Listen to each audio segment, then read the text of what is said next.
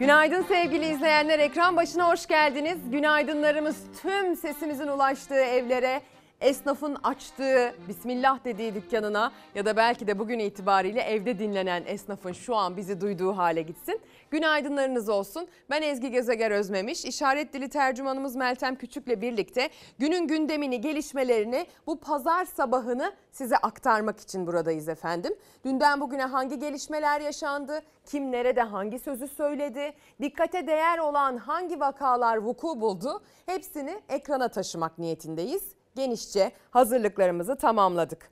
Bugün itibariyle karşınıza çıktığımızda tabii ki gazete başlıklarını da okuyacağız. Gazete başlıklarına şöyle bir bakmaya başlarsak Yeni Çağ gazetesinin bir detayıyla başlamak istiyoruz bugün yazılı basına. İzmir'de kurtuluş coşkusu gazetenin sürmanşetinde.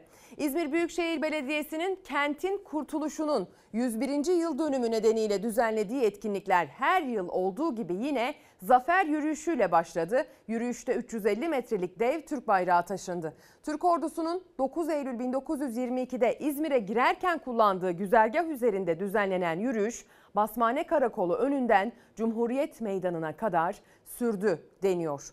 Daha pek çok etkinlik vardı İzmir'de. 9 Eylül çok önemli bir tarih. Hem İzmir'in doğum günü hem de aslında Cumhuriyet'in doğum günü 9 Eylül.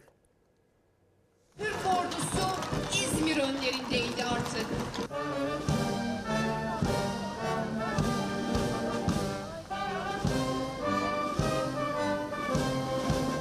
Bayrağı tam 101 yıl önce İzmir'de hükümet konağında göndere çekildi. Türk milletine mutlak bağımsızlıkta müjdelenmiş oldu. İzmir'in kurtuluşunun 101. yıl dönümü büyük coşkuyla kutlandı.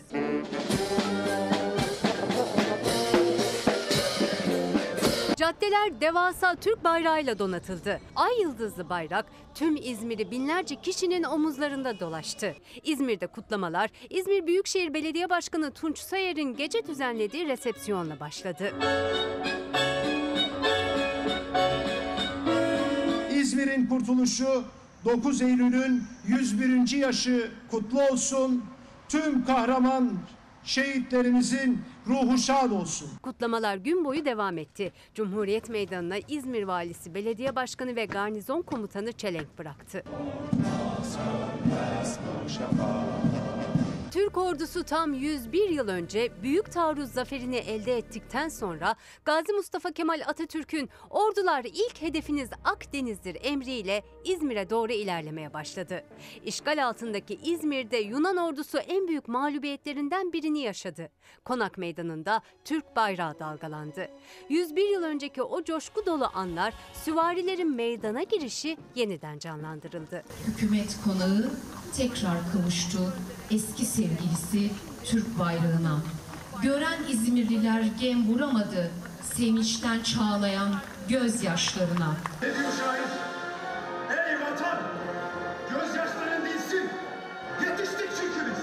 İstanbul'da Cumhuriyet'in 100. yılına özel bir gösteriye hazırlanıyor.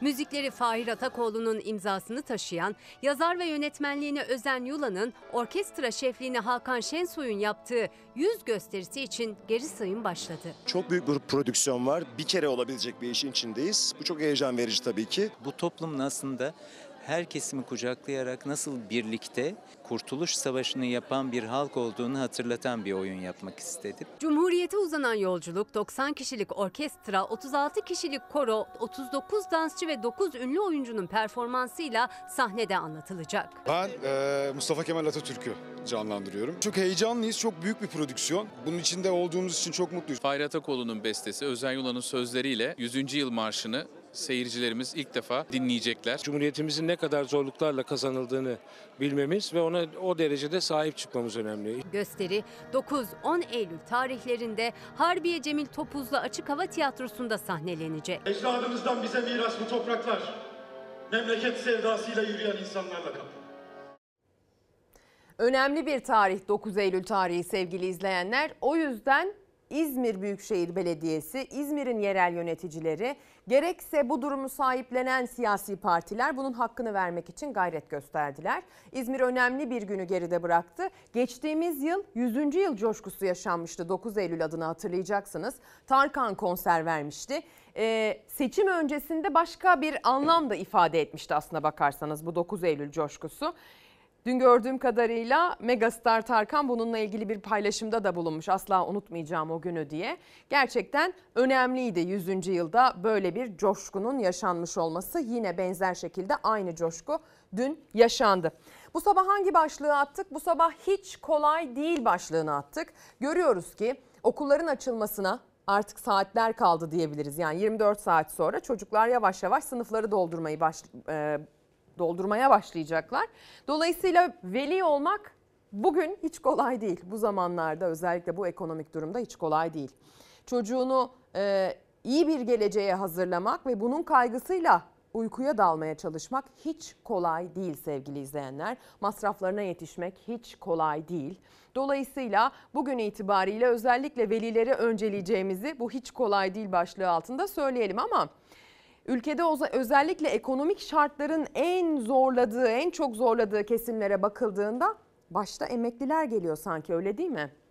Hem yaşlarının e, ve tecrübelerinin getirdiği farkındalıkla, yaşlarının getirdiği bir takım zorluklarla ekonomik mücadelenin en zor cephesindeler onlar. Adeta verdikleri bir yaşam savaşı, hayatta kalma savaşı sevgili izleyenler. Çünkü açlık, yoksulluk sınırlarına baktığınızda emeklilerin bunun kat ve kat gerisinde olduğunu görüyorsunuz. Şimdi e, Kadirli'deki emeklilere mikrofon uzatılmış. Bakın neler söylemişler bu yaşam savaşı ile ilgili. 7,5 lira maaş alıyor çiftçilikten emekliyim. İşte yan gelirim olmasa bu para yetmiyor yani. Nasıl yetişecek bu şartlar altında? Yetişmiyor. Zam bekliyoruz ama devlet bir türlü vermiyor. Geçinemiyor. Yedi buçuk milyon. Hiç hiç. Hiç değeri kalmadı paranın. Hiçbir şey alamıyor. Yani şimdi azıcık. Yedi buçuk milyon hiçbir şey yapamıyor. Bir markete gelsek bitiyor. Elektrik var, su var, telefon var. Nasıl geçindiğimizi ben de şaşırıyorum bilmiyorum. Emekli 7-8 milyon alıyor. Onunla geçinemiyorum diyor. Zor geçiniyor. Ben 2 milyon 300 bin lirayla nasıl geçineyim? Yani bunu yetkililere buradan sesleniyorum. Yani bizi de biraz düşünsünler. Kasaba gidiyorum ayda 1 kilo, yarım kilo et alıyorum. Sadece o.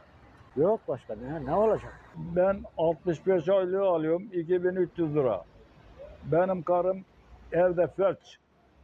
İncir istedi benden. 65 lira dediler. Bir kilo incir alamadım. Durum bu.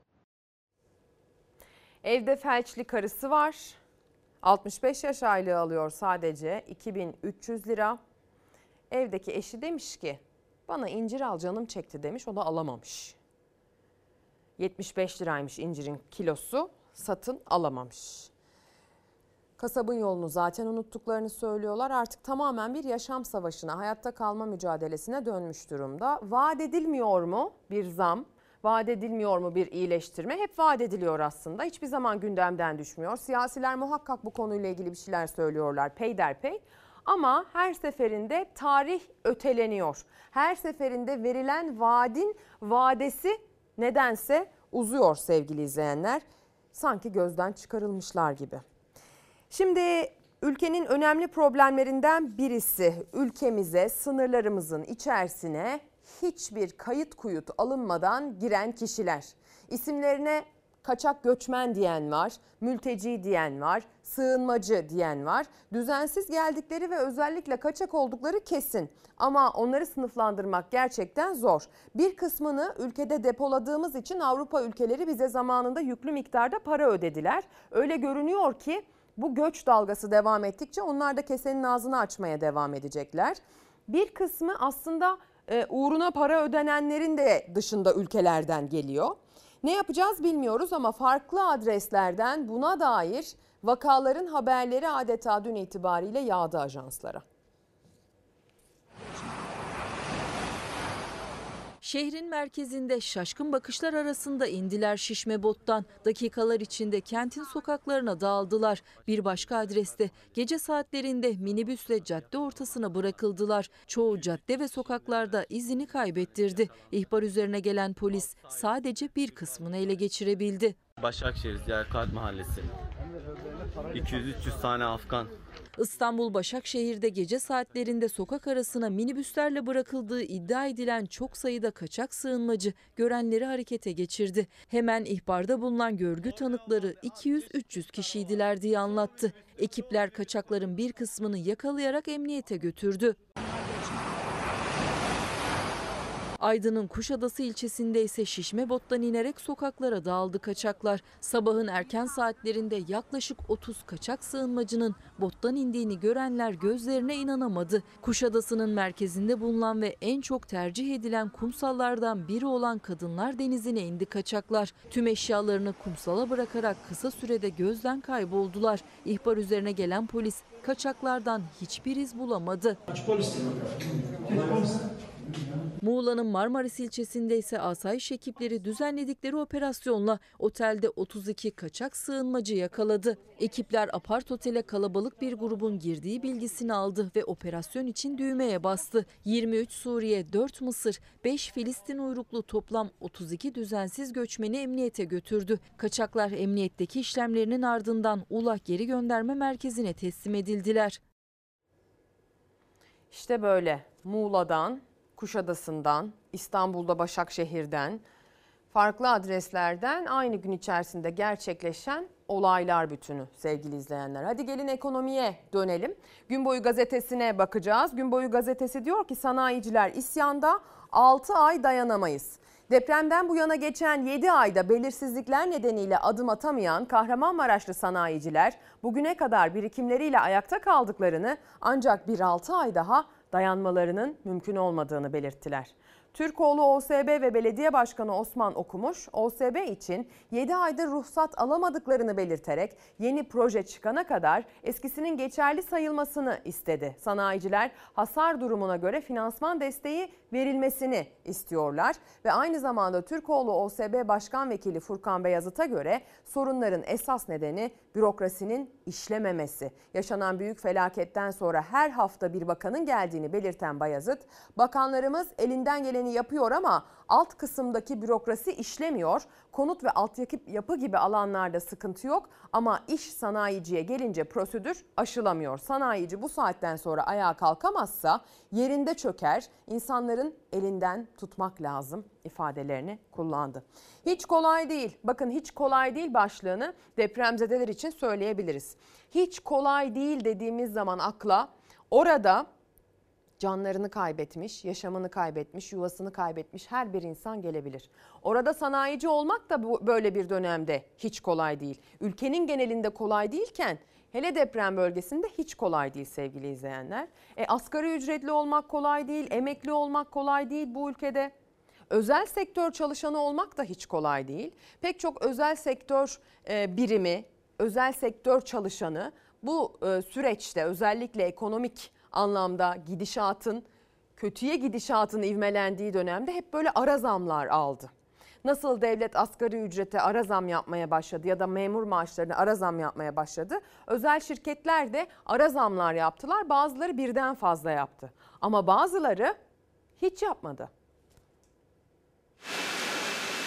Ara zam öyle bir şey yok şu an ama her şeye zam gelmişken maaşların yerinde durması alım gücünü düşünüyor. Bak kızım ortaokula, oğlum üniversitede okuyor. Bunlar nasıl olacak? Zam olacak ki paramız artacak ki biz de hayatta kalabilelim. Deniz Çataloğlu özel sektörde çalışan ama Ocak ayından bu yana aynı maaşla geçinen, arazam ümidi taşıyan ama henüz alamayan bir sabit gelirli. Başta en temel ihtiyaçları olmak üzere masrafları günden güne katlandı. Zamlanmayan maaşı erimeye devam ediyor. Yüksek enflasyon karşısında alım gücü azalanlar kara kara nasıl geçineceklerini düşünüyor. 11.700 kira ödüyorum. Aldığım para 22 bin lira. Temmuz'da asgari ücrete %34 zam yapıldıktan sonra bazı şirketler çalışanlarını enflasyon karşısında mağdur etmemek için ara zam yaptı. Kimi şirketse hala sene başındaki maaşla çalıştırmaya devam ediyor çalışanlarını. Patronlar daha cömert olsun. Maaşlarımızın e, artması lazım. Söyledik tabii ki patronumuza da. Yani sayın müdürümüze. Ne dedi yöneticileriniz? İyileştirme yoluna gideceklerini söylediler. Hukukta bir ara zam var mı? Şu an için yok dediler. Ocaktan sonra dediler. Çalışanların yeni yılı bekleyecek gücü de sabrı da yok. Çünkü sene başından bugüne gelir hem döviz hem altın hem akaryakıt hem gıda enflasyonu yani hemen hemen her harcama kalemi karşısında büyük oranda eridi. Ocak ayında 25 bin liralık maaşıyla 23 gram altın alabilen bir çalışan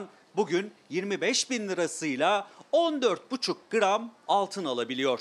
Aradaki kayıp 8,5 gram yani 14.832 lira. Ve bu çalışanın maaşı eğer altının yükselişiyle aynı paralelde olsaydı maaşı da 40 bin lirayı bulacaktı. Dolar karşısında da maaşlar ciddi oranda eridi. Ocak ayında 25 bin liralık maaş 1388 dolara denk gelirken şimdi 925 dolara geriledi. 463 dolar yani 12.500 lira eriyip gitti. Kredi kartlarına yükleniyoruz mecburen. Her şey aldı başına gidiyor. Benzin, pazar, sebze, meyve. Akaryakıta gelen zam, maaşlara gelen zammın çok ama çok üzerinde. Ocak ayında benzinin litresi 19 liraydı. 55 litrelik bir depoda 1045 liraya doluyordu. Bugün benzinin litresi 36 lira 87 kuruş ve 55 litrelik bir depo 2000 liranın da üzerinde doluyor. Maaşında bir artış olmayan, ara zam almayan bir çalışan için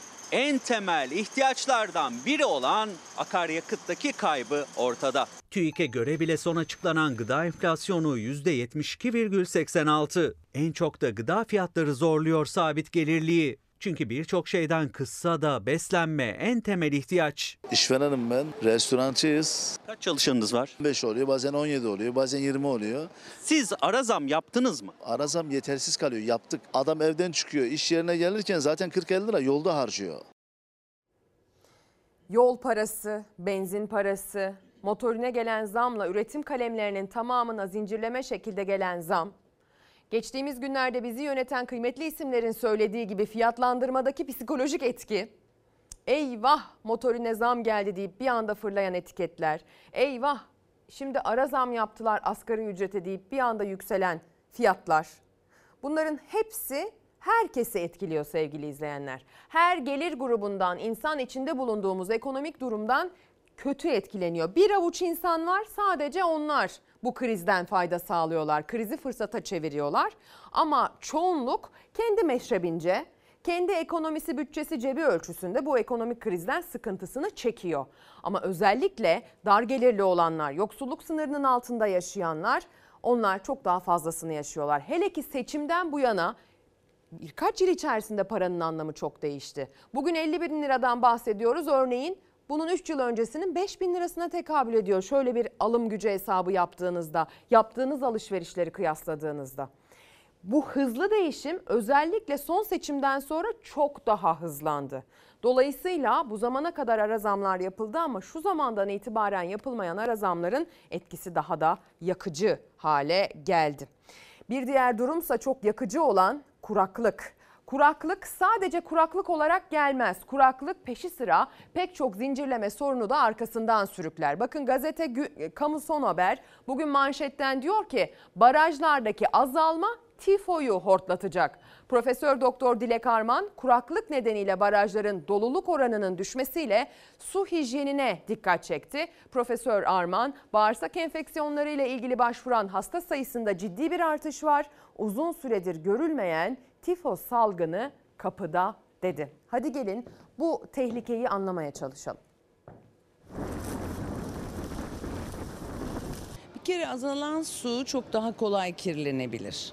Ee, gene suyun azalması nedeniyle etkin temizlik ve ilaçlama koşulları e, sağlanamayabilir. İşte bütün bu kaynakların azalması önemli bir e, sorun oluşturabilir. Barajlarda azalan su kirlilik tehlikesini de beraberinde getiriyor. Suyun kirlenmesi hastalık demek. Uzmanlar suyun temiz olup olmadığına dikkat edilerek kullanılması konusunda uyarıyor. Enfeksiyon hastalıkları ve klinik mikrobiyoloji uzmanı Profesör Doktor Dilek Arman hijyen sağlanmazsa tifo gibi hastalıkları bile görmemiz söz konusu olabilir diyor. Bu arada çok aşırı sıcaklar da var ama gerçekten başvuran hasta sayısında ciddi oranda bir artış var bağırsak sistemi e, enfeksiyonlarıyla ilgili. E, çok uzun süredir geçmişte gördüğümüz tifo gibi hastalıkları görmüyoruz gelişmemiş ülke hastalıklarını ama e, zaman içinde e, su kısıtlılığı özellikle kanalizasyonun temiz suları kirletmesi koşulunda bunları tekrar görmemiz bile söz konusu olabilir. İstanbul'un barajlarındaki su oranı giderek azalıyor. Son olarak %27,81 olarak ölçüldü. Susuz kalma tehlikesi bir yanda, diğer yanda sudaki kirliliğin artması riski ve beraberinde yaşanabilecek hastalıkların endişesi. Esas olarak hastalık yapıcı dediğimiz kolera, dizanteri gibi e, mikroplar, çeşitli bu vektör dediğimiz sineklerin, böceklerin artışı nedeniyle onlar aracılığıyla taşınacak hastalıklar çok daha ön planda olacaktır. Bir kere güvenli olmadığını düşündükleri hiçbir suyu özellikle içmek için kullanmasınlar.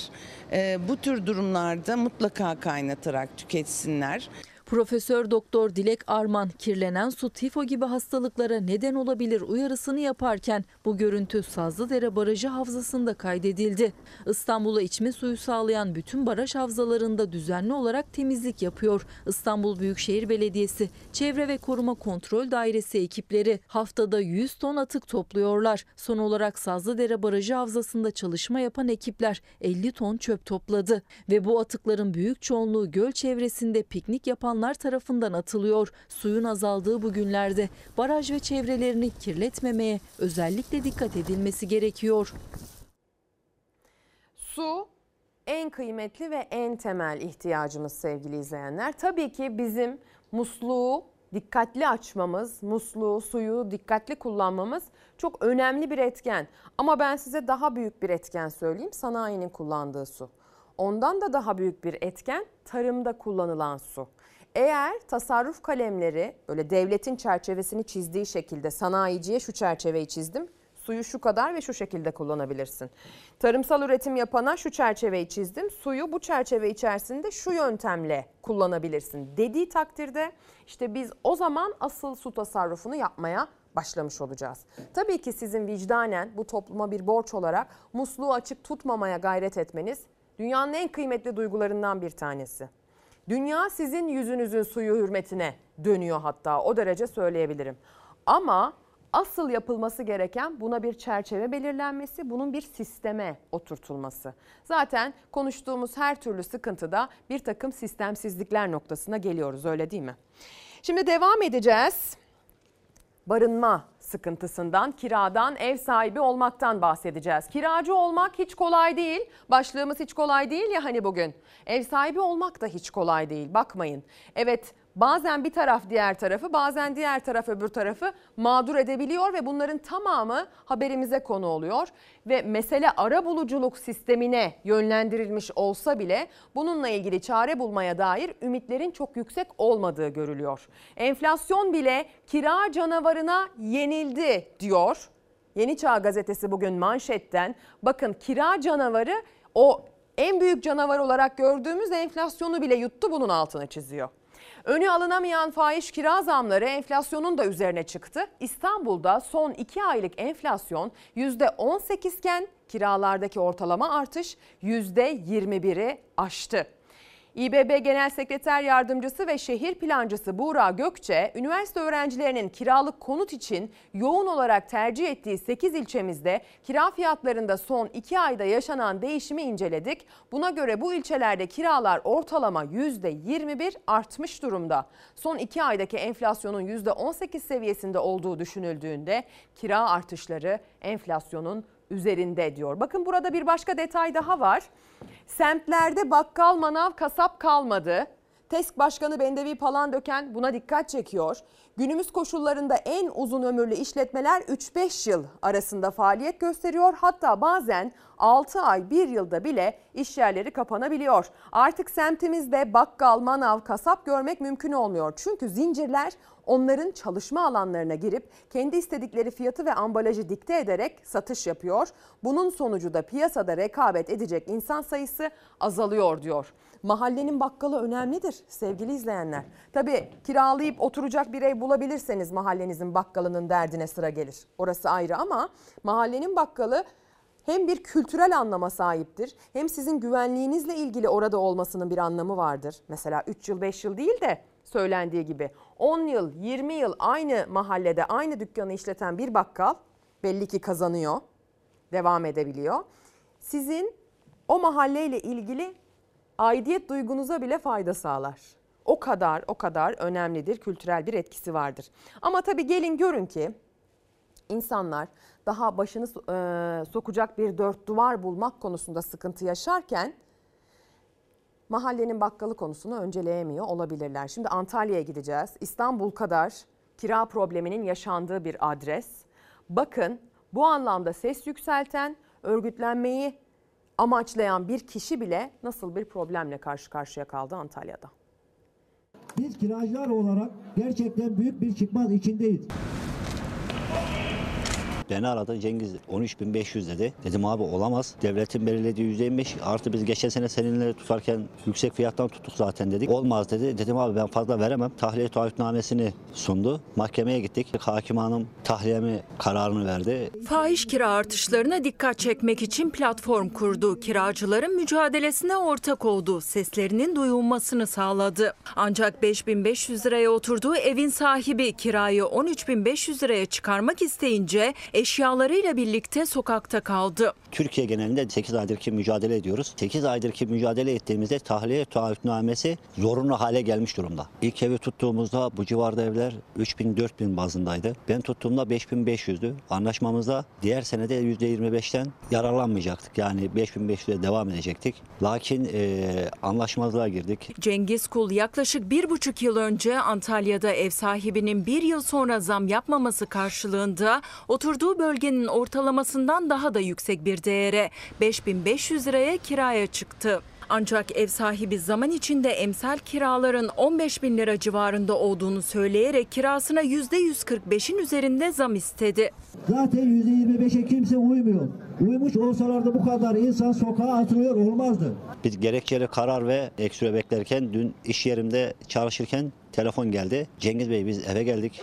Eve hacit edeceğiz. Lütfen ya siz gelin ya da aileden biri gelsin. Yoksa eve çilingir eşliğine gireceğiz denildi. Barınma da bir hakkımızdır. Yardım veya sadaka, fitre istemiyoruz. Biz barınma hakkımızı istiyoruz. Üç çocuk babası Cengiz Kul kanser tedavisi gören eşiyle birlikte ev sahibi tarafından tahliye taahhütnamesi yoluyla icra memurları tarafından evinden çıkarıldı. Şimdi sokakta ve defalarca eylemlerde dile getirdiği gibi yine belediyelerde kira tespit komisyonu oluşturularak tavan taban fiyat belirlenmesi gerektiğine dikkat çekti. Tahliye taahhütnamesi ya imzalayacağız, evi tutacağız ya da imzalamayacağız. Eşyalarımız sokakta kalacak. Adliyeler de kira dava dosyalarıyla dolup taşıyor. Kiracı ev sahibi anlaşmazlıklarına çare olabilmek için 1 Eylül'de devreye konan arabuluculuk uygulamasına ilk 5 günde 3261 başvuru yapıldı. Arabuluculuk uygulamasına başvurular çok yoğun bir şekilde yapıldı. Bu aslında bir gösterge. Yani ne kadar büyük bir ihtiyaç olduğunun, ne kadar büyük bir anlaşmazlık olduğunun, arabulucuya duyulan ihtiyaç seviyesini gösteren bir sayı aslına bakarsanız. Ama gelin görün ki hala %25 üst sınır yasası da yürürlükte. Yani hukukçular hangisine göre hareket edecekler? Hangi taraf hangisi işine gelirse onun üzerinden yargı sürecini yürütecektir gibi bir endişe var. Umarım bu arabuluculuk sistemi gerçekten işe yarar. Çünkü artık sokakta maalesef birbirine şiddet uygulayacak seviyeye gelen tarafların haberini yapmak istemiyoruz. Biz tabii ki ekonomik sıkıntı en büyük sıkıntılarımızın başında geliyor. En büyük sıkıntımız hatta belki de. Ya da ne bileyim yarın okullar açılıyor. Çocuklarımızın eğitimine dair taşıdığımız endişeler belki öncelik sıramızda en üst sıralarda. Böyle sıkıntıların arasında bazı haber başlıklarına sıra getirmek gerçekten çok zor oluyor ama önemsiyorum. Çevre meselesini çok önemsiyorum. Çünkü çocuğunuzun geleceğini düşünürken bunu gezegenin geleceğinden, dünyanın, doğamızın, çevremizin, yaşadığımız ilin, ilçenin, mahallenin işte yeşilliğinden, oksijeninden, denizin temizliğinden bağımsız olarak düşünemeyiz. Çocuklarımızın bireysel kariyeriyle ilgili, mesleğiyle ilgili, sağlığıyla ilgili, geleceğiyle ilgili hayaller kurarken onların sağlıklı bir çevrede yaşamasını da planlıyor ve buna dair adımlar atıyor olmamız lazım. Marmara Denizi biliyorsunuz kapalı bir deniz. Dolayısıyla oksijen seviyesiyle ilgili her zaman tartışmalar vardır. Kimi e, bilim insanları ölü deniz derler Marmara Denizi için. Kimisi de der ki hayır Karadeniz'le işte Ege arasındaki geçiş burayı canlandırıyor derler. E, bununla ilgili Deniz Çayırları Projesi koruma planı gerçekleştiriliyor efendim. Çünkü son oksijen deposu olduğu düşünülüyor bu denizimizin Marmara Denizi'nin. Bakalım bununla ilgili proje hangi detayları içeriyor? Projemizin adı Denizlerin Geleceği Deniz Çayı. Marmara'nın akciğerleri niteliğinde son oksijen deposu denizlerin geleceği deniz çayırları projesiyle koruma altına alınıyor. Gençlerler Türkiye'de yıllardır koruma altında. Ee, Birçok sorun var ve bu sorun devam ediyor. Marmara kalp gibidir. Hem Akdeniz hem de Karadeniz'in yaşaması için Marmara'nın yaşaması lazım. Canlı ediyoruz bir tane. Yok. Marmara Denizi bu hale geldi. Bunlara ihtiyacımız var. Oksijen miktarının azalmaması lazım. Proje ile deniz çayırları alanlarının haritalanması, üzerindeki atıkların temizlenmesi ve korunması amaçlanıyor. Oksijen miktarını artıracak etkilerden birisi doğal olarak deniz çayırlarının korunması. Çünkü deniz çayırları oksijen üretiyor. Başta evsel ve endüstriyel atıklar, gemi ve teknelerin atıkları, deniz çiftlikleri. Zemin tarayıcı yöntemlerle avcılık, denizlerin oksijeni deniz çayırlarını tehdit ediyor. Türk Deniz Araştırma Vakfı Başkanı Profesör Doktor Bayram Öztürk son oksijen kaynağını korumak için yapılmaması gerekenlerin tek tek altını çiziyor. Kirlenmeyi azaltmamız gerekiyor. Balıkçı ağlarını buraya atmamız lazım. Turizm, oteller yapılırken bu deniz çayırlarını parçalamaması lazım. Yatların, gemilerin e, çapalarını buraya atmaması lazım. Umarız bundan 20 yıl sonra, bundan 30 yıl sonra ölmez sağ olursak, hayatta olursak ya da sağlıklı olursak e, bu projelerin hani geleceğe dair işte doğamızı, denizimizi, havamızı, suyumuzu, enerjimizi korumamıza dair bu projelerin sonuçlarından da bahsedebiliriz. Umarız verdiğimiz haberlerin rengi değişir sevgili izleyenler. Karar Gazetesi'ne bakacağız. Manşetinde gıdanın enflasyonundan bahsediyor. Biz dünya değil miyiz ya da biz dünyada değil miyiz? Çarşı pazardaki etiketler dünyadan negatif ayrışmaya devam ediyor. Küresel gıda fiyatları pandemi ve Rusya-Ukrayna savaşının yol açtığı krizi geride bıraktı. Dünyada fiyatlar %11,8 geriledi. Türkiye'de ise %73,6 artış gösterdi. Aradaki makas Türkiye'nin kendine özgü sorunları olduğunu ortaya koydu. Gıdaya dair sıkıntı e, büyük sevgili izleyenler ve buna dair aslında neden sonuç ilişkisi kurulabilecek pek çok başlık sayabiliriz. Türkiye'de gıda fiyatlarındaki yıllık artış %73,6 oldu. Ağustos'ta süt ortalama %12, yoğurt %14, peynir %26 zamlandı sadece bir ayda. TESK Başkanı Palandöken eskisi gibi aynı mesleğe 70 yıl devam ettirmek mümkün değil. Artık semtimizde bakkal, manav, kasap görmek mümkün olmuyor dedi diye de ilave etmiş. Örneğin gübre fiyatları.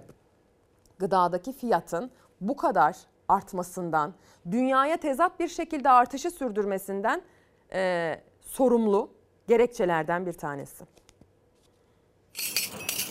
2018 yılından bugüne kadar gübre fiyatlarındaki artışları e, çiftçilerimizle konuştuk ve bu konuda bir çalışma yaptık. Gübrede artış yaklaşık %796. Peki gram altın 2018'den 2023'e kadar ne kadar artmış? %777. Mahsule bakın. Şu güzelliğe bakın. Susamış bu. Gübre istiyor. Şunlara bakın. 1000 liraya aldığımız gübre torbası 2000 liraya dayandı. En az %100, %120 fiyat artışları gösterdi gübre. Gübre diyoruz altın fiyatıyla yarışıyor.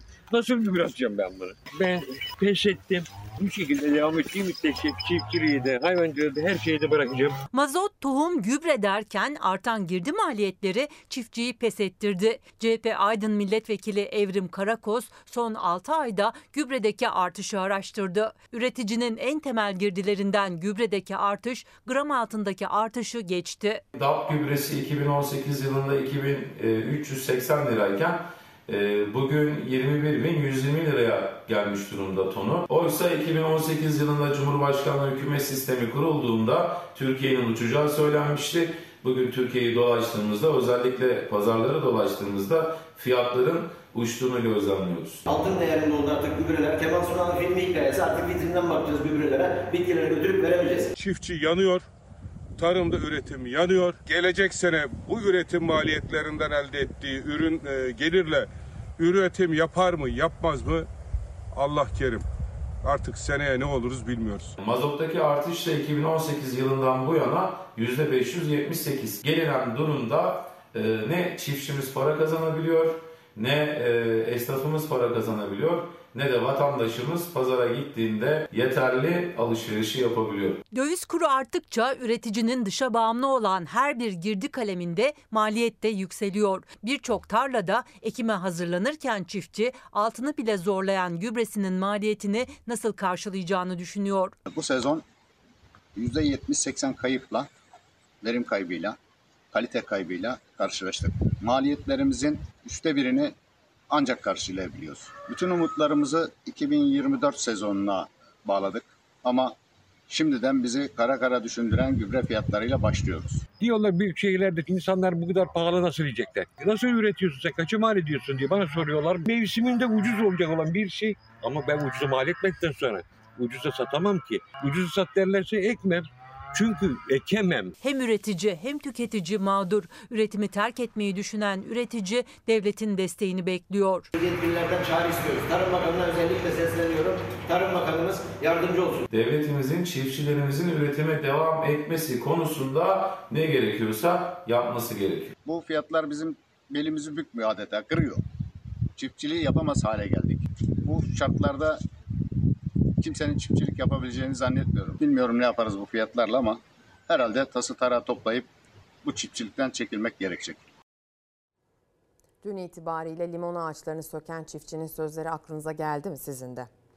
Bizi dün takip eden izleyicilerin bazıları o limon ağaçlarını söken çiftçiyle ilgili yaptığımız yorumlara ya da sizin gönderdiğiniz mesajlara demeliyim daha doğrusu tepkiler göstermişti. Ama köylü pazarları da çok pahalı. Onlar pazarda o fiyattan satmıyorlar ki gibi tepkiler gelmişti. Biraz köyü köylüyü bilmek lazım. Biraz böyle hani köylü çok fedakardır romantizminden çıkmak lazım. Onlar da çocuk okutuyorlar, onlar da acıkıyorlar, bir takım ihtiyaçları oluyor. Her ne kadar köyde yaşasalar da şehirde yaşayan insanların faydalandığı nimetlerden faydalanmak, gezmek, görmek, hayatı bir kere geldikleri bu yaşamı güzel yaşamak istiyorlar. Dolayısıyla hani köylü pazarları da çok pahalı oluyor ama hani köylü aslında çok fedakar olmalı romantizminden çıkıp biraz gerçekten insanca yaşama seviyesinde bakmak lazım bu meseleye ve üreticinin üretimden vazgeçmesinin önüne geçmek lazım. Yıllardır söylediğimiz gibi özellikle bu devirde hiç kolay değil çiftçi olmak, üreten olmak. E, hayvansal üretimde benzer şekilde köylere gidin bakın. Çok fazla adreslerde değişiklik olsa da durumda değişiklik olacağını zannetmiyorum. Ahırında 3 tane 5 tane büyükbaş küçükbaş hayvanı olan üretici neredeyse hiç kalmadı. Çünkü 50-60 taneden aşağısı artık kurtarmaz duruma geldi. Yani böyle şirketleşmiş, büyümüş, biraz daha ekonomik gücü yüksekse köyde yaşayan o üreticinin evet hayvansal üretim yapmaya devam ediyor. Ama aile şirketleri yani küçük aile üreticileri maalesef varlığını sürdüremiyorlar. Onlar varlığını sürdüremezse eğer gelecekte bu topraklarda, bu coğrafyada çiftçinin varlığını sürdürmesi büyük risk altında. Bugün bile 57 yaşında çiftçi ortalamamız. Gençler hem kazanamayacaklarını bildikleri için hem de büyük şehrin imkanlarından yaşıtları gibi faydalanmak istedikleri için. Çünkü artık buradan görüyorlar her şeyi onlarda. 8 yaşındaki çocuk bile görüyor. Artık köyleri terk ediyorlar. Bunun önüne geçmek lazım. Hem çiftçinin kazanmasını sağlamak lazım hem de köydeki sosyal imkanları artırmak lazım.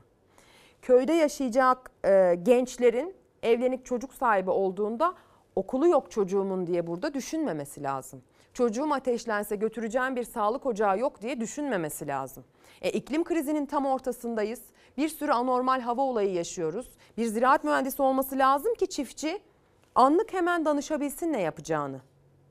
Bu ve buna benzer imkanların artırılması gerekiyor artık bir an önce. Çünkü Cumhuriyet'in 100. yılındayız. Bu Cumhuriyet, Türkiye Cumhuriyeti ne büyük gururdur ki 100 yaşında. O yüzden biz 100 yaşına yaraşır, Cumhuriyete yaraşır aksiyonlar bekliyoruz bizi yönetenlerden. Cumhuriyet'in 100. yılı İstanbul'da muhteşem bir konserle kutlandı. Sabancı topluluğu ev sahipliği yaptı. İstanbul Atatürk Kültür Merkezi'nde ünlü şef Cem Mansur o konseri yönetti. 500'e yakın davetli mest oldu.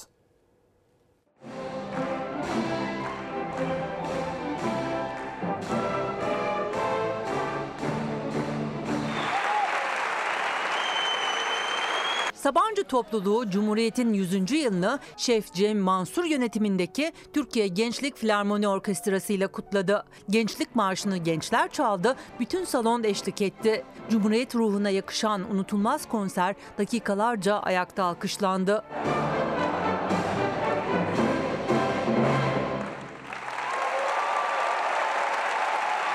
Cumhuriyet'in 100. yılında Cumhuriyet Seferberliğini bir gençlik filarmoni orkestrasıyla başlattık. İstanbul Atatürk Kültür Merkezi'ndeki konserin ev sahipliğini Sabancı Holding Yönetim Kurulu Başkanı Güler Sabancı yaptı. Konseri şef Cem Mansur yönetti. Yaşları 16 ile 22 arasında değişen Türkiye Gençlik Filarmoni Orkestrası'nın 73 genç sanatçısı konuklara unutulmaz bir gece yaşattı. Sabancı topluluğu çalışanları ve seçkin konuklardan oluşan 1500'e yakın davetli konseri soluksuz izledi. Cumhuriyetimizin 100. yılında e, atamızdan armağan olan e, bugün de e, Gençlik Filarmoni Orkestrası ile beraber bugünü hep beraber Sabancı topluluğu şirketleriyle birlikte e, almak bizim için çok mutluluk ve gurur vericiydi. Çok duygulandım. Ee, Cumhuriyetimizin 100. yılını böyle bir kutlamada geçirmek beni çok mutlu etti. Türkiye Gençlik Filarmoni Orkestrası'nın kurucusu da olan Şef Cem Mansur, öğrencilerinin başarısıyla gururlu, genç sanatçılar da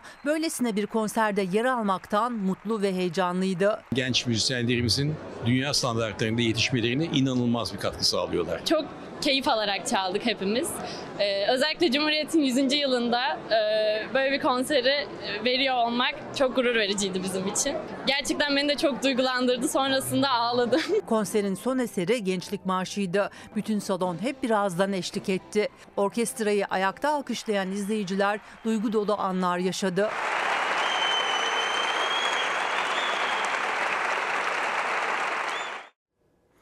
Sanat bizim hem günlük hayatımızı hem de geleceğimizi güzelleştirecek, şekillendirecek olan önemli unsurlardan bir tanesidir. O yüzden e, ne sanatçıyı desteklemekten vazgeçmek lazım ne de sanattan uzak kalmak lazım. Bakın en güzel yollarından bir tanesi romanlar, kitaplar, derlemeler. Okuyun efendim. Yaşınız kaç olursa olsun. Atatürk'ün berberi Yaşar Gürsoy kaleme almış bizlere göndermiş. Yolu açık olsun.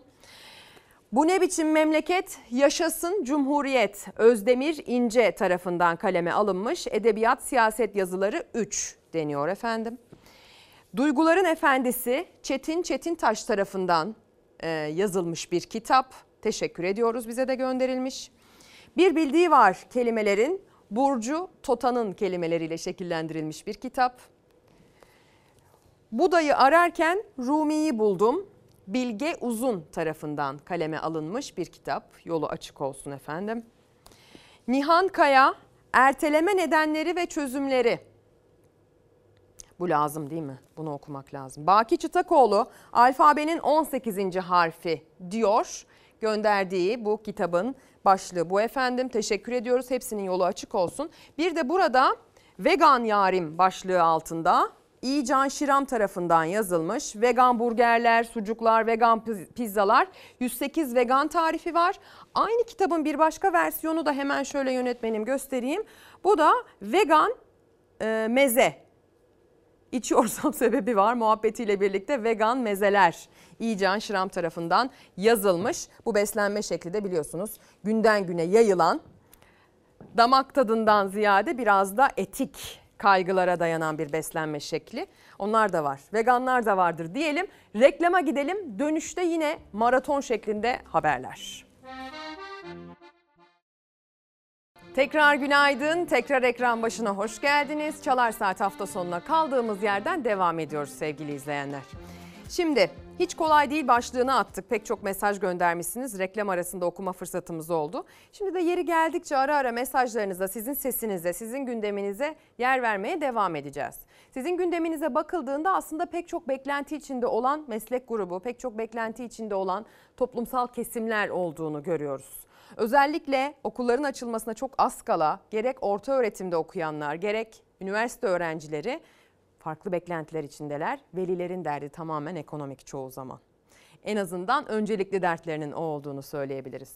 Bir de tabii ki bir takım vaatler var. İnsanların özellikle seçimlerden önce duyduğu ve gerçekleşmesini beklediği. Bu vaatlerle ilgili hani şöyle olacaktı mesajları da çokça geliyor sizler tarafından. Çok gönderilen mesajlardan bazıları. Onlardan bir tanesi de mülakat meselesi. Biliyorsunuz seçimlerden önce mülakatların kaldırılacağına dair vaat yüksek perdeden duyurulmuştu. Ancak gelin görün ki o mülakatlarda bir kaldırmaya dair bir değişiklik olmadığı gibi hani o işe alımlarda bir mülakat uygulaması var ya o değişmediği gibi işe alındıktan sonra yükselmeye dair mülakatların dahi sürdüğünü gösteren örnekler var seçim vaatlerine dayanarak sözlü sınavın yapılmayacağını düşünüyorduk. Bu sınavlarda yazılı sınavın esas değil, sözlü sınav olduğunu öğrenmiş durumdayız. Önlerine mülakat duvarını örülmesi aslında bir torpilin olacağını da işaret ediyor. Kamuda mülakatın kaldırılacağı sözlü bir yana ünvan değişikliği ve görevde yükselmede bile mülakat var. Sağlık Bakanlığı 500 görevde yükselme, 970 ünvan değişikliğiyle atacağı kadrolara mülakat yani sözlü sınav yapacağını ilan etti. Kamu personeli zaten iş süreci boyunca o liyakati ortaya koymuş. Eğitimlerini tamamlamış kişiye şeffaf olmayan bir süreçle sen dur yapamazsın edemezsin demek onun memuriyet hayatına yapılmış bir saygısızlık olarak görüyoruz. Tam bir adaletsizlik. Kamuya işe alımları görevin getirdiği zorunluluklar dışında mülakatı kaldırarak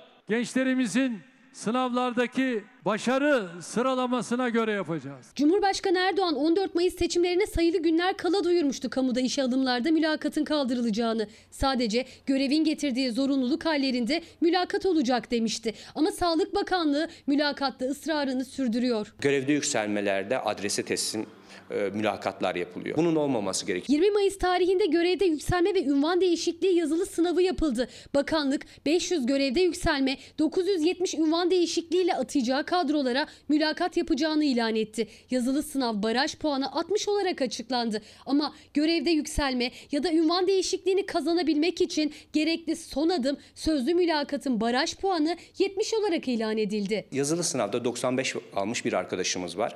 Bir de 60 puan almış bir arkadaşımız var. Siz bunu sözlü sınava sokarak 95 puan almış arkadaşımızı eliyorsunuz. 60 puan alan arkadaşımızı yerleştiriyorsunuz. Yani liyakatla alınmış 35 puanı yok sayıyorsunuz. Sağlık Emekçileri Sendikası Ankara Şube Başkanı Kubilay Yalçınkaya mülakat geleneğinin devam ettiğini, bu ilanın alım değil davet olduğunu ve liyakat ilkesini yok ettiğini söylüyor. Tepkiliydi. Bilgi düzeyi diyor. E yazılı sınavda siz zaten ölçtünüz bunu. Bir konuyu kavrayıp özetleme.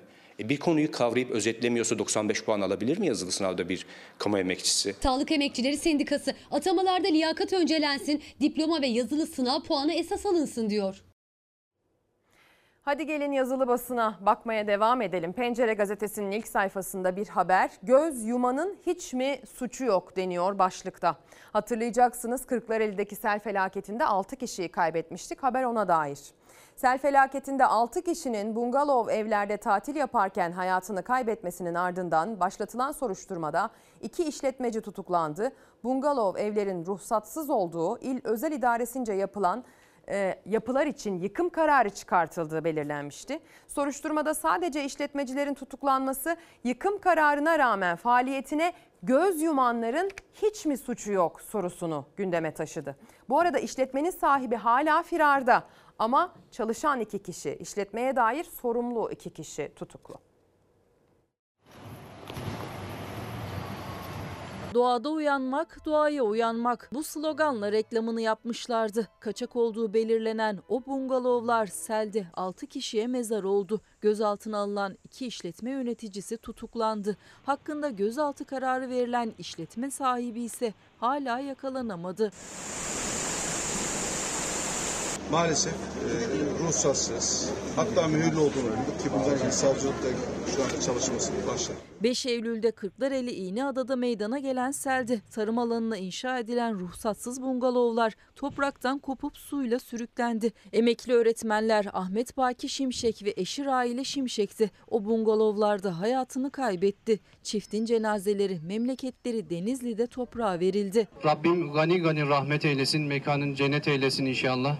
Bungalovların sosyal medyadaki tanıtımlarında aslında neredeyse dereyle iç içe inşa edildiği açıkça görülüyor. O paylaşımlar 6 kişi hayatını kaybedene kadar hiçbir yetkilinin dikkatini çekmedi. İşletme çalışmaya devam etti. Selin ve can kayıplarının ardından ruhsatsız ve mühürlü olduğu ortaya çıktı işletmenin. Bungalov evleri ruhsata aykırı inşa ettiği belirlenen işletme sahibi Bülent B hakkında Taksirle birden fazla kişinin ölümüne neden olma suçundan gözaltı kararı verildi. İşletme sahibi günlerdir firari. Bülent Bey'in yakalanması için çalışmalar sürerken soruşturma kapsamında iki işletme yöneticisi gözaltına alındı. Çıkarıldıkları mahkemece tutuklandılar. Bu zamana kadar bu sosyal medya reklamları yapılırken hani influencer dediğimiz sosyal medyada insanları peşinden sürükleyerek para kazanan meslek grubu var ya o meslekten insanların paylaşımları bu kadar yaygın bir şekilde e, sosyal medyada yer alırken, yeni medyada kendine yer bulurken kimse görmedi mi? Ya da o inşa gerçekleştirilirken, orası o şekle getirilirken onay verenler ya da ruhsatsız bir şekilde çalışmasına devam edenler hiç mi sorumlu değil? Depremde de benzer durumlar yaşadık biliyorsunuz. Birazdan deprem dosyasını da açacağız ama bugün 10 Eylül, yarın ayın 11'i, 11 Eylül ilk ve orta öğretimler için okulların başladığı gün olacak. Fox Haber içinse yeni yayın döneminin başladığı gün olacak bu arada. Hemen alt metin onu da söyleyelim. Dün, bugün, geçtiğimiz günlerde bu okul hazırlığı süreci vardı biliyorsunuz sevgili izleyenler. Şu an rejide bile ben biliyorum dün itibariyle çocuğunun okulu için alışverişe gitmiş arkadaşlarım var. Ama eskisi gibi tatlı bir telaş halinde devam etmiyor anladığımız kadarıyla bu alışveriş süreci. Artık elde listeyle ucuzluk turu yapmak zorunda kalıyor veliler. Aynı Evrensel Gazetesi'nin manşetinde belirttiği gibi. Kaçıncı sınıfa gidecek kızınız? İkinci sınıfa başladı. Hazır mısınız? Hazırız sanırız. Mutluyuz, heyecanlıyız. Ama çok pahalı her şey. Kaygısı desek daha doğru olmuş herhalde. Yeni eğitim öğretim yılı pazartesi başlıyor. İlk ders zili çalacak. Öğrenciler okullarına öğretmenlerine kavuşacak. Aileler de heyecanlı ama ekonomik olarak yorgun. Kitaplar, defterler, ciltler, etiketler, okul kıyafetleri. Aylık cebinizden çıkacak parayı hesapladınız mı? Evet hesapladım. Acılar için 20 bine yakın bir rakam çıkacak aylık. Okul kıyafetlerini aldınız mı? Daha almadım onları. Fiyatlarına baktınız? Bakmadım. ne zaman bakacaksınız? Pazartesi okul. Araştırıyoruz işte. Nasıl olmuş fiyatlar? Hiçbir fikrim. Yüksek yani. Kime alışverişe başlayamadı, fiyat araştırmasını bitiremedi çünkü. En uygununa bakmaya devam ediyor aileler son günde bile. Kimi ise hiçbir şeyini eksik etmemeye çalıştı çocuğunun ama binbir zorlukla. Okul alışverişimiz bitti. Geçen seneye nazaran 3 katı, 3,5 katı civarında fiyatlar. Aşırı pahalı. Bir tane tişörtü 500 lira, eteği 1250 lira. Toplama vurursanız 8 ile 10 bin arasında bir fiyat ödedik. Sadece okul kıyafetine. Defteriyle kitabıyla işte üzerine de bir 6-7 bin lira koyarsanız 16-17 bin lira. 16-17 bin lira da servis parası ödedik. Önce heyecan var. Aslında paralel. Kaygısı da var. Okul heyecanıyla kaygısı kafa kafaya gidiyor. Çünkü bir taraftan okul başlıyor, diğer taraftan eğitim için harcanması gereken para birçok velinin bütçesini aşıyor. Servis dahil herhalde 45 bin lira civarında bir para e, ödedik. Okula başlama heyecanınız kaldı mı? E, kalmıyor tabii yani bu durumda. Üçüncü sınıfa geçtiğimiz için bir önceki sınıftan gelen bazı şeylerimiz de vardı ama belli başlı kıyafetler aldık tabii. Bin küsür buldu. Kıyafet. Evet kırtasiyemiz şu anda sadece 750 liralık oldu. Bitti mi kırtasiye? Daha bitmedi. Daha defter falan almadık. Size şöyle hesapladım ben geçen gün. Aylık 8 bin liraya mal olacak. Devlet okulunda okuyor kızım. Servis, yemekhane ücreti, etüt ücretleri, sınıfın belli başlı tabii giderleri. Sadece okul kıyafetiyle bitmiyor. Ayakkabısı, çorabı var. Kırtasiye alışverişi bitince yine bitmiyor. Çünkü okul çantası, beslenme çantası ve suluğu var. Hadi hepsini aldık bitti mi yine bitmiyor. Çünkü o beslenme çantasının yıl boyunca gıdayla dolması gerekiyor. Geçen sene yemekhane ücretini 800 lira gibi bir şey ödüyorduk ayda. Şu anda 1900 lira istiyorlar. Bizim gelirimizde böyle bir artış yok.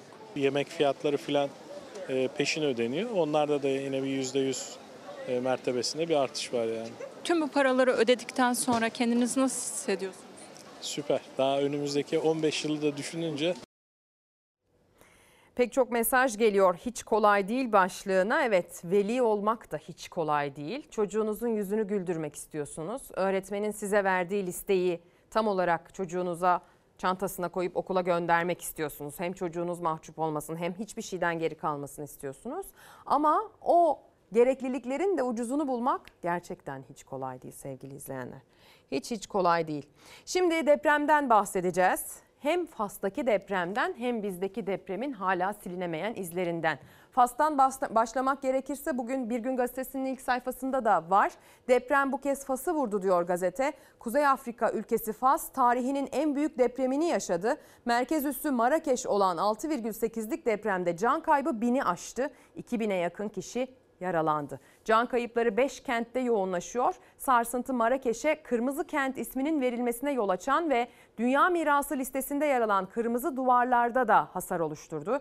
Arama kurtarma çalışmaları için ordu görevlendirildi. Dünya Sağlık Örgütü'nden acil sağlık ihtiyaçlarına destek vermeye hazırız açıklaması yapıldı.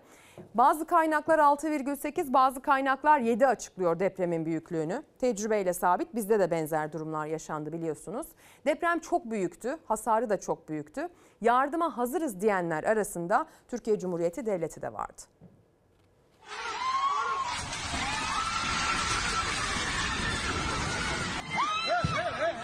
Binalar yıkıldı. Halk canını kurtarmak için sokaklara fırladı. Fas'ı vuran 7 büyüklüğündeki depremde 2000'den fazla kişi hayatını kaybetti.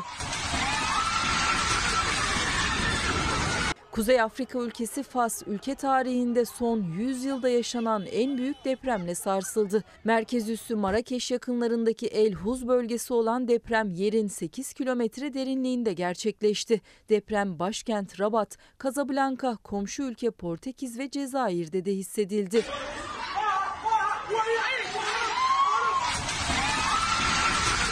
Saatler 23.10'u gösteriyordu. Birden her yer beşik gibi sallanmaya başladı. Sarsıntı giderek şiddetlendi. Akşamı restoranda, alışveriş merkezinde geçiren halk depremle büyük panik yaşadı.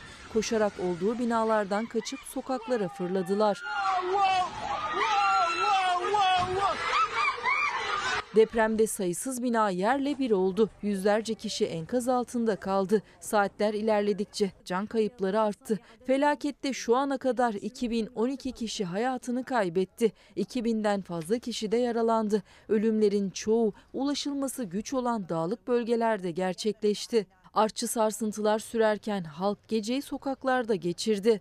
Şu anda telefonumun ekranı bulanık değil ya da kamerada sıkıntı yok.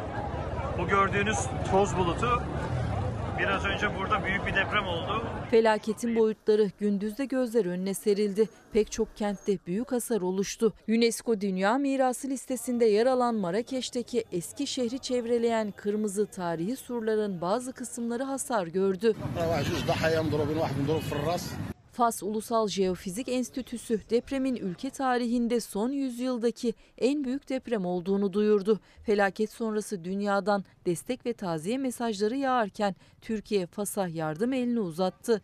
Bölgeye hareket etmek üzere 265 yardım personeli hazırlıklarını tamamladı. Ekipler uluslararası yardım çağrısı gelmesi durumunda bin çadırla birlikte Fas'a uçacak. 5 şehir etkilendi o sarsıntıdan sevgili izleyenler ve öyle görünüyor ki depremin büyüklüğüne dair ve oluşturduğu hasara dair, aldığı canlara dair sayılar maalesef artarak gelmeye devam edecek. Biz de öyle yaşamıştık öyle değil mi? 6 Şubat'ta Kahramanmaraş merkezli depremlerde maalesef çok büyük bir bölgede sarsıntı etkisini gösterdi ve çok büyük kayıplar verdik. Maddi kayıplara gelene kadar 52 bin tane canımızı kaybettik. Pek çok insan yaralandı, pek çok insan uzuv kaybı yaşadı. Ve fiziksel şartlara geri dönmek gerekirse insanlar hala başını sokacak bir yer bulmak konusunda o bölgede sıkıntı yaşıyorlar. İnsanlar hala evleri az hasarlı mı, ağır hasarlı mı, ne durumda bunun belgelenmesiyle ilgili sorunlar yaşıyorlar. Osmaniye'ye götüreceğim sizi. Depremden etkilenen illerden bir tanesiydi. Merkezi konumdaki bir bina. Bakıyorsunuz gözle görülür şekilde yıkıldı yıkılacak ve yıkılırsa konumu merkezi olduğu için gerek orada yaşayanlar gerekse oranın esnafı gerekse oranın potansiyel müşterisi büyük bir risk altında. Zaten ağır hasarlı. Hemen bizim sağ tarafımızda bir binadan tuğla düştü. Bir insan hayatını kaybetti bir tuğlayla. Bu kütlenin düşmesi halinde burada neler olabileceğini yetkililerin dikkatine sunuyoruz. Lütfen ilgilensinler. Depremde hasar alan bina korkutan görüntüsüyle yıkıldı yıkılacak. Çarşının en merkezi noktalarından birinde çevresinde dükkanlar ve konutlar var. Herkes tedirgin. Depremin ne zaman geleceğini de bilmiyoruz. Gece vakti olsa dahi burada internette oturanlar var. Çocuklar var. Bunların hepsi kat dolu. İnsanların ölmesini mi bekleyelim illakine yıkmak için? Yarın burada 50 tane insan ölürse nasıl hesap verecekler ben bilemiyorum. 6 Şubat Kahramanmaraş depremlerinden etkilenen Osmaniye'de hasarlı bir bina. Şehrin yoğun ve merkezi bir konumunda olan hasarlı bina sadece çevredeki esnafı değil, oradan geçme ihtimali olan herkesi tehdit ediyor. Osmaniyeli esnafın iddiaları kimsenin harekete geçmediği yönünde. Yaşadıkları depremin korkusunu üzerinden atamayan esnaf günlerini endişe içinde geçiriyor. Müşterim gelip oturmaz oldu kapıya. Burayı gören kaçıyor. Bu kadar insan şu anda risk altındayız. Buradan gelen, geçen, oturan esnaflar, müşteriler ya bu riskin bir an önce ortadan kalkması gerekiyor. Piyasada sağlam binaları hızlı hızlı yıkıyorlar. Burada en çok çarşının göbeğinde tehlike arz eden binaya kimse bakmıyor bile. Şimdi 11 yaşındaki depremzede Yağmur'un hikayesiyle devam edeceğiz. Yağmur Hatay'da yaşıyordu ailesiyle. O depremde ailesiyle beraber hayatını kaybetti. Bir koroda söylüyordu. Koroya gidip gelmeyi, şarkı söylemeyi çok seviyordu. Hocasına, koro şefine depremden 3 gün önce ailesiyle birlikte besteledikleri şarkıyı göndermiş. Bir sesli kayıt gönderisiyle aktarmış ve koroda bu şarkıyı söyleyebilir miyiz diye ricacı olmuştu. Bodrum'da müzik festivaline katılan o koro Yağmur'un sesinden dinledi önce şarkıyı, sonra koronun sesinden gözyaşları eşliğinde. Değişir bazen her şey baktığım pencereden Herkes aynı görmez biliyor musun? Değişir bazen her şey baktığım pencereden Herkes aynı görmez biliyor Yağmur bizim koromuzun 11 yaşında çocuk koromuzun üyelerindendi. 11 yaşındaydı Yağmur. Sözleri ve bestesi kendisi ve ailesine ait o şarkıyı depremden 3 gün önce konservatuvar hocasına göndermişti. Koroda arkadaşlarımla beraber söyleyebilir miyiz demişti. Deprem oldu. Yağmur annesi ve babasıyla birlikte depremde can verdi. Konservatuvar hocasının tüm salona dinlettiği Yağmur'un sesi Türk Yıldızları Senfoni Orkestrası'nı ve dinleyicileri gözyaşlarına boğdu. Öğretmenim arkadaşlarımla notayı alır mısınız söyler miyiz diye. Ben de aslında bugün bir anlamda Yağmur'la sizi buluşturmak istedim. Kusura bakmayın.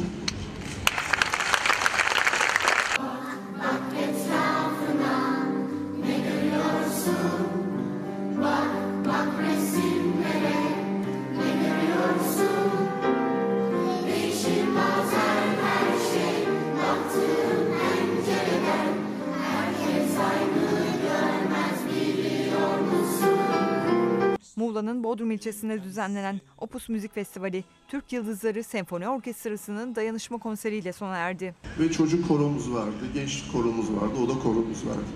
Maalesef depremle birlikte hepsini kaybettik. Konserde sahneye çıkan Antakya Devlet Konservatuarı öğretim üyesi Sezgin Suna, 6 Şubat depreminde kaybettiği 11 yaşındaki öğrencisi Yağmur Rifaioğlu'nun depremden 3 gün önce kendisine gönderdiği ses kaydını dinletti.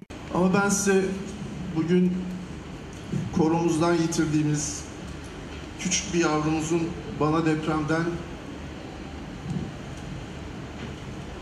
iki gün önce gönderdiği ve bunu koroda arkadaşlarla söyleyebilir miyiz dedi. Bir küçük bir kaydı dinletmek istiyorum aslında.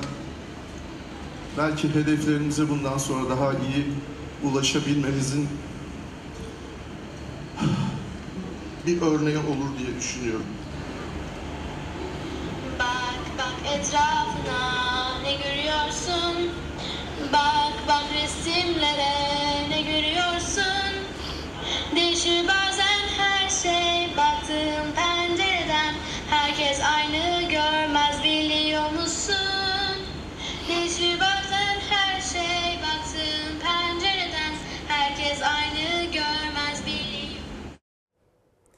Değişir her şey bazen baktığın pencereden. Herkes aynı görmez biliyor musun demiş. Ailesiyle birlikte bestelediği şarkıda depremden 3 gün önce de hocasına göndermiş. Söyleyelim bu şarkıyı diye. Bugün bu sözleri belki de gerçekten yönetenler açısından deprem bölgesine bakış açısı anlamında söyleyebiliriz. Galiba herkesin baktığı pencere farklı çünkü oradaki sorunlar bitmek bilmiyor. Oradaki herhangi bir pencereden dışarıya baktığınızda da manzara artık bambaşka. Değişir bazen her şey. Bir anda tek bir depremle bir sarsıntıyla sevgili izleyenler. Buradan Yağmur'a ve ailesine başsağlığı Allah'tan rahmet dileyelim. Sevenlerine başsağlığı dileklerimizi iletelim.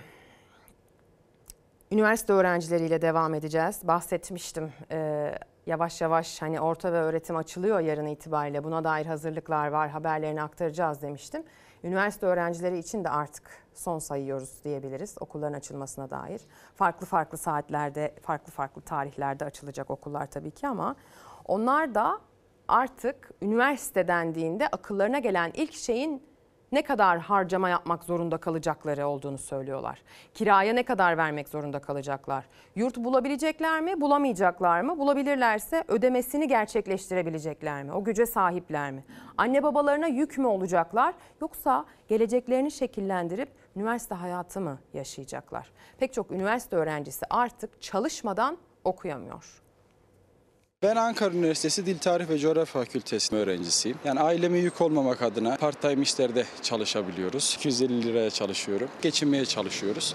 Öğrenci olmak bu devirde çok zor. Her şey o kadar pahalı ki acaba e, neyden kıssam ki aileme daha az zarar verir düşünüyoruz. Ya bu korkunç bir şey. Ben daha 20 yaşındayım. Henüz 20'li yaşların başında üniversite sırasındalar ama gelecek hayalleri bir kenara yarının hesabını yapamıyor üniversite öğrencileri. Değil kitap almak okumak, barınma, gıda, ısınma giderlerini nasıl ödeyeceklerinin derdindeler. Malatya'dan Ankara'ya okumaya gelen günlük 250 lira yevmiyeyle ayakta durmaya çalışan Abdurrahman Gülseren onlardan sadece biri. Ev kirası 5700 lira. Ayrıyetten elektriği var, suyu var. Babam inşaat işçisi. Evimiz kira. Benim iki kardeşim daha var. Hem onları okutacak hem kirayı ödeyecek. O yüzden benim çalışmam lazım. Çalışmaya gidiyorum. Sabahın 7'sinde, akşamın 12'sine kadar. Otellerde çalışıyorum. 8 saat bir ara bana çatal kaşık sildirdiler sadece.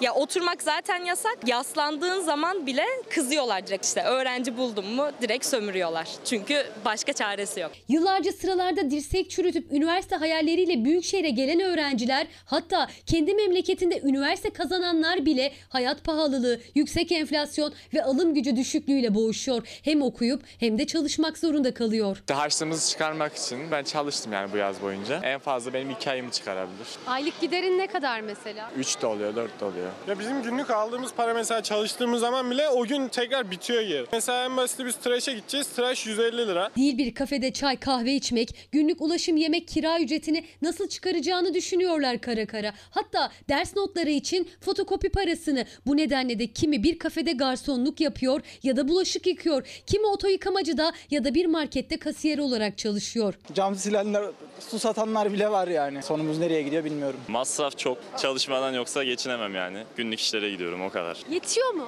Akmasa da işte damlıyor. Üniversiteyi kazanıyorlar okuyabilmek için ama yine çalışıyorlar. Amaç harçlıklarını çıkarabilmek, ailelerinden olabildiğince az para almak. Üstelik bu kadar çalışmaya geleceklerini de göremiyorlar. İstekleri, hayalleri ise imkanlarıyla sınırlı gençlerin. Çok kötü şartlarda çalışıyorsun. 400 lira para veriyor sana. Okula gitmem 2 otobüs. Abonman 250 120 lira oldu. Okulda ne yiyeceğim? Bir sinemaya mesela ben iki senedir falan gitmedim herhalde. Eskiden yeni arkadaşlıklar, yeni ortam, kültürel bir değişimdi.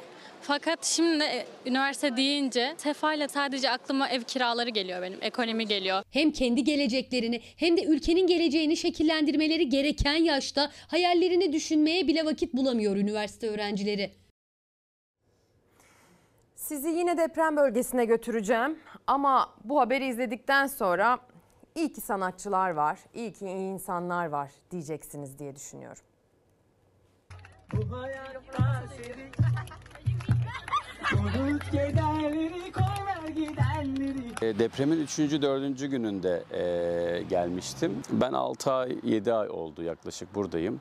E, bir şey beni tuttu burada ne bil- bilmiyorum. Hatay'dan ayrılmadım. E, hiç tarif edilebilecek bir şey değil. O gün bugündür Hatay'da pop müzik sanatçısı Gökhan Akar depremin yaralarını sarmaya çalışan kentte. O da gençler ve çocuklar için projeler üretiyor.